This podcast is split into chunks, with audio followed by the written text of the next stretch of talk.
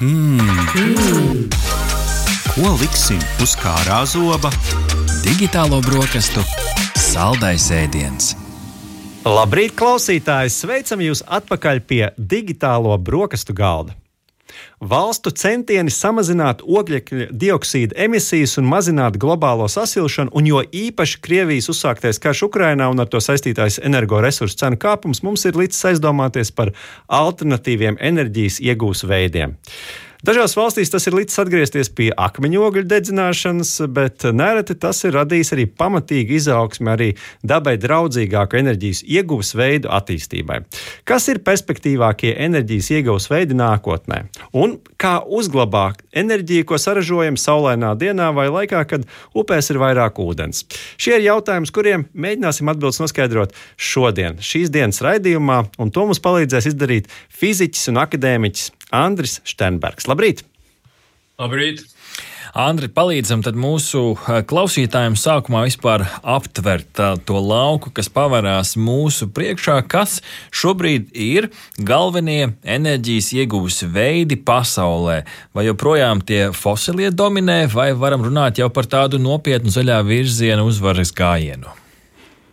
Nu, varbūt tas ir pa vidu jautājums, jo teiksim, tas fosīlo zaud, nu, saka, atkāpšanās, jeb kā neizmantošanas gājiens ir sācies, un tāpat arī šo alternatīvu, ja atjaunīgo avotu ir ļoti progress vērojams. Un tiešām, kā jau minējām, šeit ir divi, gan ģeopolitiskā situācija, gan arī tas, ka mēs Eiropā ejam uz šo zaļo kursu, kur šīs emisijas ir viens no noteikumiem uz 2050. gadu. Līdz ar to arī viss enerģijas tā bilants ir domāta un spriesta no tā viedokļa, kā tas būs, un ne tikai Eiropā, un arī tāpat arī Amerikā, bet arī Latvijā, protams, mūsu bilance ir tāda apmēram, varētu teikt, mēs kaut ko esam iezīmējuši, un mums ir ļoti daži labi punkti no zaļās enerģijas, ko mēs jau izmantojam un iespējam.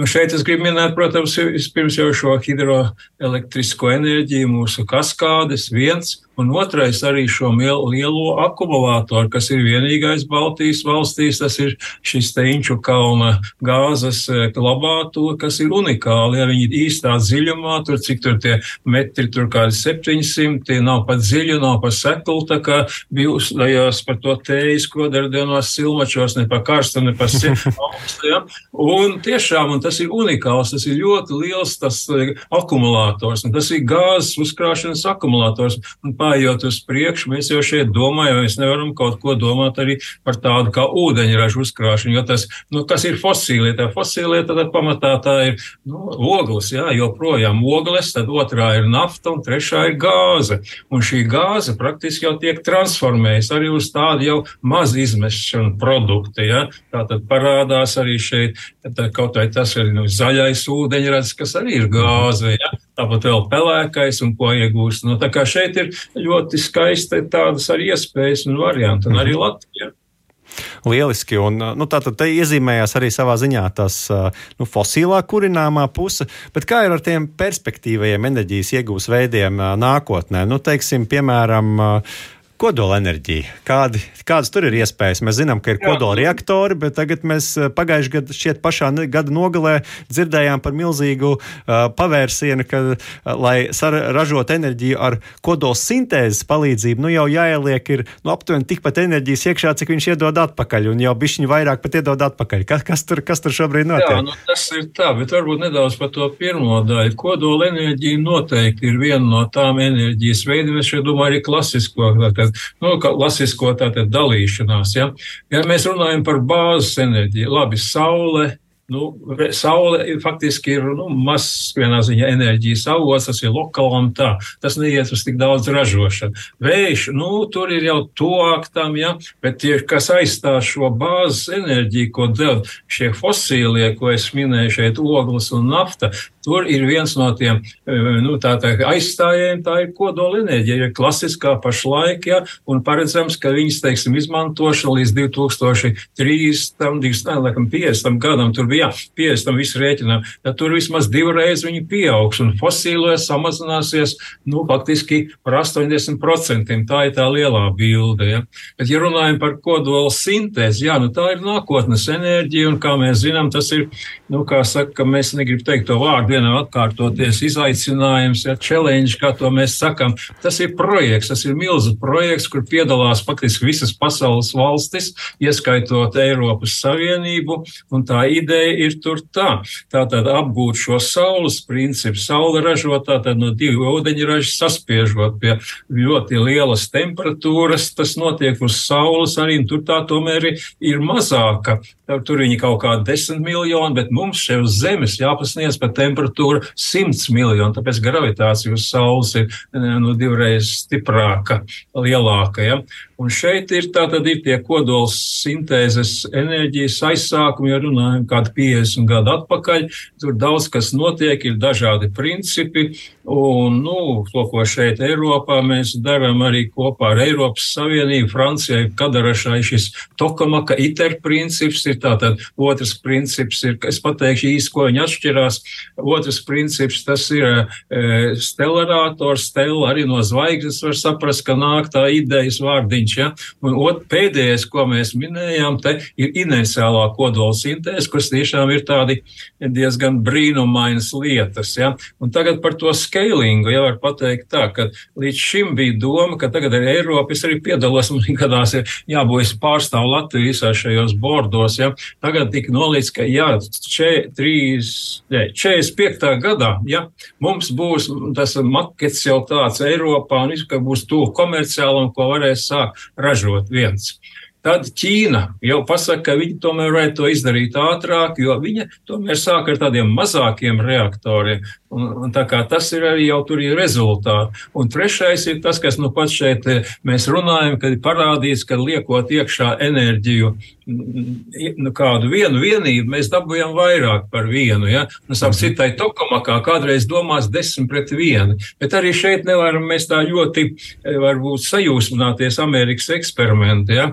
lai to enerģiju tur dabūtu. Apkārt ir vesels lāzera parks, ja tas ir futbola laukuma lielumā. Ja? Un tas ir bijis tāda fikcija, jā, tas jau arī viss priekš tā strādā. Vēl jau mēs viņu ieliekot, bet mēs to saspiežam to, un tad viņš tiešām no tā gabaliņa mazās enerģijas, tā lielumiņa, kas tur mazā kriksīša matērijas, mēs, nu, tur ir tāda arī tāpat deutērijas tritīs iekšā tai holraumā. Ja? Tātad tur mēs iegūstam tiešām vairāk nekā mēs esam ielikuši. Ja? Bet, bet tagad ir doma, un tagad ļoti pārsteidzoši, ko es nu pats saņēmu pilnīgi nesen no amerikāņiem, arī kas jau publicēts daļēji, ja, un ir liela intervija, tur vairāk kā stundu. Viņi ir iemācījušies darīt. Nu, skaidrs, ka mēs no viena pipara graudiņa, nu, spiežot kā gribu, no neko lielu neiegūsim. Ja? Bet nākošais solis būs tāds, viņa kriptona cita tipa lāzeri, kas ir lētāk, bet pat jautīgāk kriptons flors. Ja? Nu, tas varbūt neiesakts eh, kolēģiem, tas nu cilvēkiem, kas to klausās tur. Bet, e, Tas ir jā, lētāks jau par to, lai to enerģiju ražot. Un otrkārt, viņi ir izdomājuši, ka viņi to enerģiju nevis liks tajā vienā graudiņā, bet jau kaut kādā 100 nanometru, jeb tādā, eh, nu, tādā teiksim, mm, nu, lielākos lauku lielākās sfēriņās, ja, un pie tās sfēriņas viņi domā, ka viņi viņas varēs saražot nu, kaut kur daudz un vienā reizē, un tad tiešām kaut kas iznāk. Salīdzināsim tā, pieņemsim, ka tas ir kaut kā briketis, teiksim, ja. Vispirms ir viena brikete, bet ja mēs samazojam tai pašā laikā daudz briketes, tad jau mēs kaut ko kurinām. Ja. Un, kā, un viņš šo saka, viņiem jau 32. gadā būs kāda mašīna. Ja? Tas ir tas pārsteidzošākais moments, kas tagad ir parādījies par kodola sintēzi. Ja? Skaidrs. Nu, tad, bišķi pakāpjoties atpakaļ, vēl viens jautājums tieši par to kodola sintēzes aspektu. Ar ko tad viņa būs labāka ne, nekā tie ierastie kodolreaktori, kuri nevis sintēzē, bet kuri, kā saka, dala? Kas, kāda tur tā atšķirība? Nu, pats galvenais tas, ka mums nebūs radioaktīvo atkritumu. Ja, pirmais, nekur nebūs tagad, ja ceļam jaunu kodolu eh, stacijas, nesaku atomelektrostacijas, vispār sen par to pretojies, tur nav nekāda dara ar atomiem, te ir kodoliem. Ja. Jebkurš pirmais jautājums, kur jūs liksiet atkritumus? Lai to sākt. Arī Latvijā mēs te runājam atpakaļ, mēs runājam kopā ar Igauniem, varbūt es, tas ir man doma arī, ka arī bija konferences, mums ir modulārie jātais kopā, mums pašiem nav jā, jātais tagad jauna kodola enerģijas kaut kādas reaktors šeit mums ir jāsadarbojas. Un šeit tātad, tātad pirmais, ja, nav radioaktīva atkrituma praktiski. Otrakārt, šī enerģija ir, nu, varētu teikt, tā, faktiski tās izēvielas ir arī bezgalīgi daudz mums tritīs un ir iespējams saražot, nu, reaktoros, brīderos arī tur. Un arī trešais ūdens, tas eitērijas, tas ir jūras ūdenī. Un tur vajag ļoti maz, tur vajag kādu mazu piciņu no tā, ja tā, kas aizstāja apmēram kaut kādas simts, nu, tonnas ogļu, jeb kaut ko, ko liek tai kurtuvē. Faktiski tā, ja tāpat krāsniņa vien ir, ja, jebkurā gadījumā ko mēs viņu uzkarsējam, ko mēs uzkarsējam to tvaiku un kas dziež turbīnu ražo elektrību. Tas vienkārši tas kurināmais, ir tas galvenais. Un šie kodola sintēze līdz ar to ir arī tā. Un tas arī ir parādīts, ka viņa tomēr enerģētiski ir izdevīgāka. Viņa dos vēl vairāk enerģijas nekā šie sadalīšanās. Un nepavelc sauli to dara. Viņa netaisa šo te cilvēku izdomājas sadalīšanos. Ja? Uh mhm. -huh bet saule gāja uzreiz uz sintēzi, un viņi saprot, kas dabā ir visefektīgākais. Mm -hmm. Es, ja, varbūt eh, šis būs naivs jautājums visā kopējā kontekstā, bet visi tak, tak ļoti cenšas ar tiem saules paneļiem, mēs redzam vēja parkus. Uh, kur šis viss stāsts paliek kopējā kontekstā, tas vienkārši ir nesalīdzināms pēc enerģijas ieguves uh, par maz, jo nesen, piemēram, ziņās bija rakstīts, ka vairāk kā desmit tūkstoši mājasemniecībās jau ir uzstādīti saules paneļi, cilvēki tik pērk, pār pārdevēja tik pārdod. Kur, kur tā uh, puzles gabaliņš ielīmējās šajā kopējā stāstā? Par maz ir uh, tās iegūtas. Jā, tas viss ielīmēs ļoti labi. Kā es jau teicu, tā nav bāzes enerģija, tās ir mājasēmniecības. Tātad lokāli, ja pagastos katrai mājai savu, teiksim, daļu. Tagad man daudz kolēģi ar saka, viņi savus elektromobīļus, ja kādam ir uzlādē. Tas ir efektīvs process, ja. Ar enerģiju var līdz ar to pats arī tur ielikt tīklā, uzkrāt arī, kā mēs te kādreiz runājam par digitālu digitalizācija, šie digitālie tīkli un arī digitālie grīdi, kas vispār pastāv valstīs un kur visa enerģija iet iekšā, un tam mēs, kad vajag attiecīgā vietā 0,24 viņi piegādāja. Nu, tas ir tās stāsts, ka arī šis digitālais brokastis, ja tas ir pa to līniju. Bet tā kā noteikti tas ir jādara un jādara, noteikti jādara, un tas ir, nu, saule nevar arī teikt tā, ka vienreiz bija tā, ka tas tās joks ir e, tantiņa, ka laikam, ka bijusi skolotāja Bauskā teica, man te blakus spaliņas saliek, un man nebūs siltumnīcai vairs saules enerģijas. Ja? Nāk, viņi nāk un viņas pietiek. Ja? Saules nu, pietiks visiem. Tas ir noteikti, un arī te ir izdomāts daudz efektīgāk elementi. Tagad mm. saules paliks arī tādi, ko varēs līmēt uz sienām, tā kā papi. Ja? Nu, silicijas ir tomēr trausls. Un, protams, viņi viss dārgāk joprojām pie tie zinātnieki strādā. Ja? Un tas būs varēs aplīmēt arī mm. horizontā Un tā kā sauli noteikti tas ir jāturpina. Mm -hmm. nu, par vēju arī, nu vējš arī ir tā. Nu, protams, Latvija ar to vēju pirmkārt ir vēja karte, mums nav nekāda, tas ir jāsaprot, kur viņam labāk izlikt, tad vai tur mežos, ja tur un atkal, nu, kā viņš tur ir, jā, mežos, un arī tur ir atkal kā ekoloģija ietekmē, un es arī tā kā citā mēs teicu, ka divas kaimiņienes saka, viens saka, man mājās nevajag šito te griezvēju to uzlikt, to, kas tarkš, es pat esmu mājās, man nevajag nevajag putnu biedēkli. Ja? Nu, tā, nu, tas arī ir kopīgi putnu biedēklis, kaut kur ja mēs viņu liekam mežos. Ja? Nu, ja liekam tā uz laukiem, tā kā grobiņi, nu, jā, zeme aizņem, nu, bet, nu, tā, nu, protams, jau viņas liek jo augstāk, kaut tur cilvēkiem arī, protams, krīt uz nerviem, ne jau tikai tie trokšņi, bet arī šie uguņi, kas mirgo, ja tur tūmā visu laiku, ja? Nu, ir problēmas tur. Un otrkārt, mums Latvijā vajag, ja mēs taisam offshore, kur būtu labi, bet tas ir pagaidām ļoti dārgi. Tur vajag milzīgi daudz daudz metālu, un kas to mums, to, mums jau piedāvā. Ja? Bet tas ir ekonomiski, jāsaprot, ko mēs varam atļauties. Jā. Kā, kā vējš, ir noteikti vajadzīgs. Jā, nu tā tad uh, vējš, saule. Uh, vēl pieķersimies. Uh, nu, ģeotermāla enerģija laikam mums iet garām. Tas ir vairāk Islandes stāsts vai to valstu, kur, jā, kur, nu, tās, tā teikt, jā, jā, tā kur tās plātnes saskarās vairāk. Bet, uh, Islandē Blue Lagoon jums gadās būt. Tas ir viena fantastisks skats, elle kaut kādiem debesīm paradīze. Ja? Viss kūp un viss ir silts. Un, Jā, bet uh, gribēju jautāt par ūdeni. Cik liels potenciāls vēl slēpjas ūdens enerģijai? Ūdens gan mums Latvijā ir daudz, nu, teiksim, Hess ir viena lieta, bet tur viļņi, plūdmaiņi, plūdmaiņas man maz, mums maz ir, bet tie viļņi varbūt mums kaut ko var palīdzēt. Jā, nu viļņi ir noteikti tie var palīdzēt, un tieši var teikt, ka mūsu institūtā šeit pie tiem viļņiem strādā daudz un visādi, ne tikai arī daudz, kur ir viļņi pēc aizsprosta, viļņi parastie, cik viņi var lieli būt, cik ir enerģija dot un cik tur tā viss tā, nu, tas ar tiem viļņiem arī tā, tā enerģija tur, lai viņi kā to visu nostiprinātu, visas tās izbūves. Ja? Nu, tas ir, jā, nu, bet nu, ūdens katrā ziņā tā ir bagātība, tā ir Latvijas bagātība un vispār tā ir cilvēks bagātība. Un tas, ka, ko izdarīja Kahokā, tagad nu redzams, kā, kādas mhm. neģēlības var izdarīt, lai tas ir vispār, kā to sauc, tā ir ekokatastrofa. Ja? Tas ir ļoti ar tālajošām sekām, bet nepavēlti jau šodien izlasīja, ka gatavojas celt jaunu Tātad Ukraiņi, kas vienu miljārdu izmaksās un kas būs aizstājies, tā kā uzreiz ir vajag saprot, ka šeit vajag aizstāt, nevar to tā atstāt. -hmm.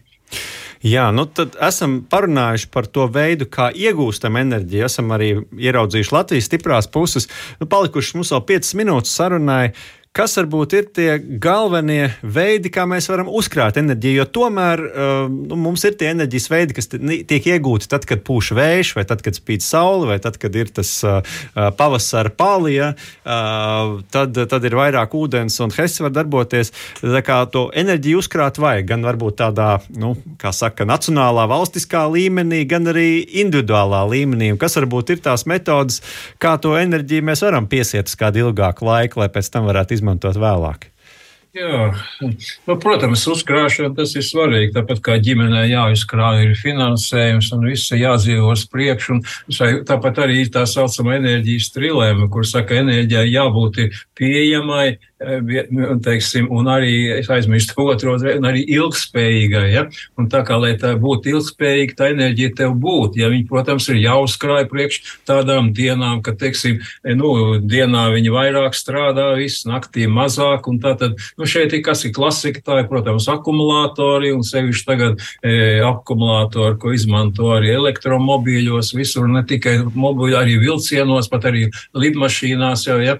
Nu, un tā kā tas ir ir viens no veidiem, un otrais tagad tomēr gribētu teikt, ka ūdeņrads kā tāds pārējais uzkrāšanas veids parādās kā labs akumulators, tāpat kā ūdens, ja, ka arī tur mēs zinām, ka, nu, tur, protams, atkal jāskatās, viņš mums jāuzpumpē augšā aiz blakus rezervāri Latvijā, tas vēl nav atstrādās. Mums bija jālaiž ūdens pāri, ka bija pa daudz, mm -hmm. ja, ja tā otra, tā rezervārs, mēs viņu varētu ielaist tur, ja, nu, tas nebija, ja, bet tas uz priekšu ir jāpadomā, nu, nevar jau saprast, vai būs tas sausums tagad prevalēs, ja arī mm -hmm. tomēr sāks kust ledāji un nāks arī ūdeņi daudz. Ja? Jā.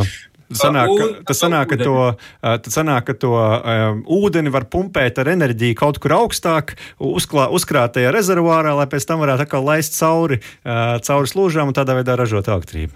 Tas arī līdzīgi varbūt ir kaut kur tas nav savuši ekoloģiski labi, bet Šveicēs, kā tur es redzēju, viņi arī kalnos tā ledi kūst, tur uzkrājas ūdens un tā laiž pa trubiņām lejā un tur ļoti uzmanīgi, lai dabu nesabojāt. Ja? Tā kā ūdens ir ļoti labs uzkrāšanas mm -hmm. elements. Ja? Tā kā, kā joku var teikt, arī karstu ūdeni var uzklāt, ka divas meitenes runāja, ko karstu ūdeni darīt. Nu, viņš vienmēr nodara, ieliksim leduskapī. Ja?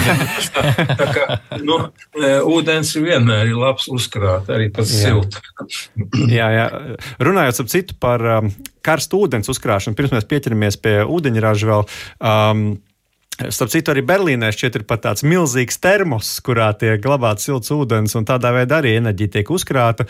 Un līdzīgi tiek sildīta arī citi šķidrumi, un es pat esmu dzirdējis, ka tiek sildītas smiltis, lai varētu pēc tam izmantot to uh, siltumu enerģiju. Vai šim arī ir perspektīva? Šis ir viens no veidiem, bet tev atkal jāskatās tā lokalizācija, geogrāfija, kur mēs to darām. Ja? Bet viena, ko es varētu pateikt tā, ka es pirmo reizi to liks Izrēlā redzēju, kad uzkarsē ar šo e, saules, ar lielu fokusētiem saules, ne tikai ar baterijām, bet fokusējot saules enerģiju uz eļas mucu, kas tur ļoti daudz. Un tā eļa uzkars līdz kaut kādiem, es nezinu, 300, 400, 500 grādiem tur. Un tad naktī to eļu, teiksim, atkal var ūdeni ūdens tvaikus radīt un viss strādā. Tā kā tas arī viens no tādiem akumulācijas veidiem, kā no nu, šķidrums, ja, kā mhm. mēs te runājam. Gan ūdens, nu, smilts arī, protams, ja, tas ir laba lieta, ja, taču, ja, ja to var izdarīt tikai, es tā īsti nezinu tajā apjomā, kā to var tā mhm. īsti realizēt. Jā, bet tas ir katrā ziņā ir kaut kur Sahārā, ja viņš tur uzkrājās. Jā, bet kā mēs to varam izmantot? Jā, jā, jā. dzirdēju, ka Somija milzīgās cisternās viņas uzkarsē, bet jā, atgriežoties pie ūdeņraža, um, jā, tad es saprotu, ka ūdeņražs tomēr kļūs ar vien aktuālāks mūsu dzīvēm. Jā, noteikti, noteikti. Un arī tas arī mēs te Latvijā tiek strādāts daudz pie metodēm, un arī vēlreiz man jāsaka, tai pašā Izrēlā ir ļoti milzīgas jau iekārtas atrast tādu foršu veidi, kā dabūt efektīvi efektīvi. Un tas ir līdzīgs, ja tā varbūt cilvēki tā iedomā, kā penicilīnu atklāja, arī tur bija atstājuši vienu šito e, iegūšanas elektrolīzeru pa divām dienām. Bija uzsils tas process līdz kādai vienai temperatūrai. Izrādās, ka tieši tajā temperatūrā efektivitāte palielinājās par 20%. viss tam neviens, tomēr tā silšana nemaz nav tā labākā, slikta. Ja? Nu, tā kā ir vienmēr ir kaut kā tāda negaidīta atklājuma, un arī tā kā šeit ir daudz kas priekšā ar ūdeņradu, un arī šeit kaut kā Tehniskā universitātē mums Andris Šutki ir tās jauns akadēmiķis, viņš ļoti strādā pie jaunām metodēm, tur ir kopā ar mūsu kolēģiem. Ja? Arī Latvijā tas notiek, tāpat kā pa kodola sintēzi. Latvijā mēs ļoti daudz ko darām. Mm -hmm. nu, lieliski, mums ir Latvijā daudz piemēru un noteikti gaidām kārtējos lielos sasniegumus arī no Latvijas zinātniekiem šajā jomā. Tāpēc, teiksim, lielu paldies mūsu šīs dienas viesim, fiziķim un akadēmiķim Andrim Štenbergam. Vēl tikai no savas puses piebildīšu, ka nesen arī tieši ziņojām digitālajās brokastīs par to, ka šķiet Beneluks valstī zinātnieki nākuši klajā ar veidu, kā varētu arī ražot ūdeņradi mājsainiecības apstākļos. Nu, cerams, ka arī visi drošības aspekti būs uh, kārtībā ar to visu. Tā kā liels paldies par šīs dienas sarunu un, uh, nu, kā saka, domāsim, kā ražot enerģiju gudri. Paldies! Paldies jums! Aha! Paldies, ka noklausījāties mūsu līdz galam! Ja patika, uzspiediet laiku, atstājiet komentāru vai padalieties ar draugiem. Un nobaudiet arī citas epizodes, kā arī sekot mums, lai nepalaistu garām savu ikdienas tehnoloģiju ziņu devumu.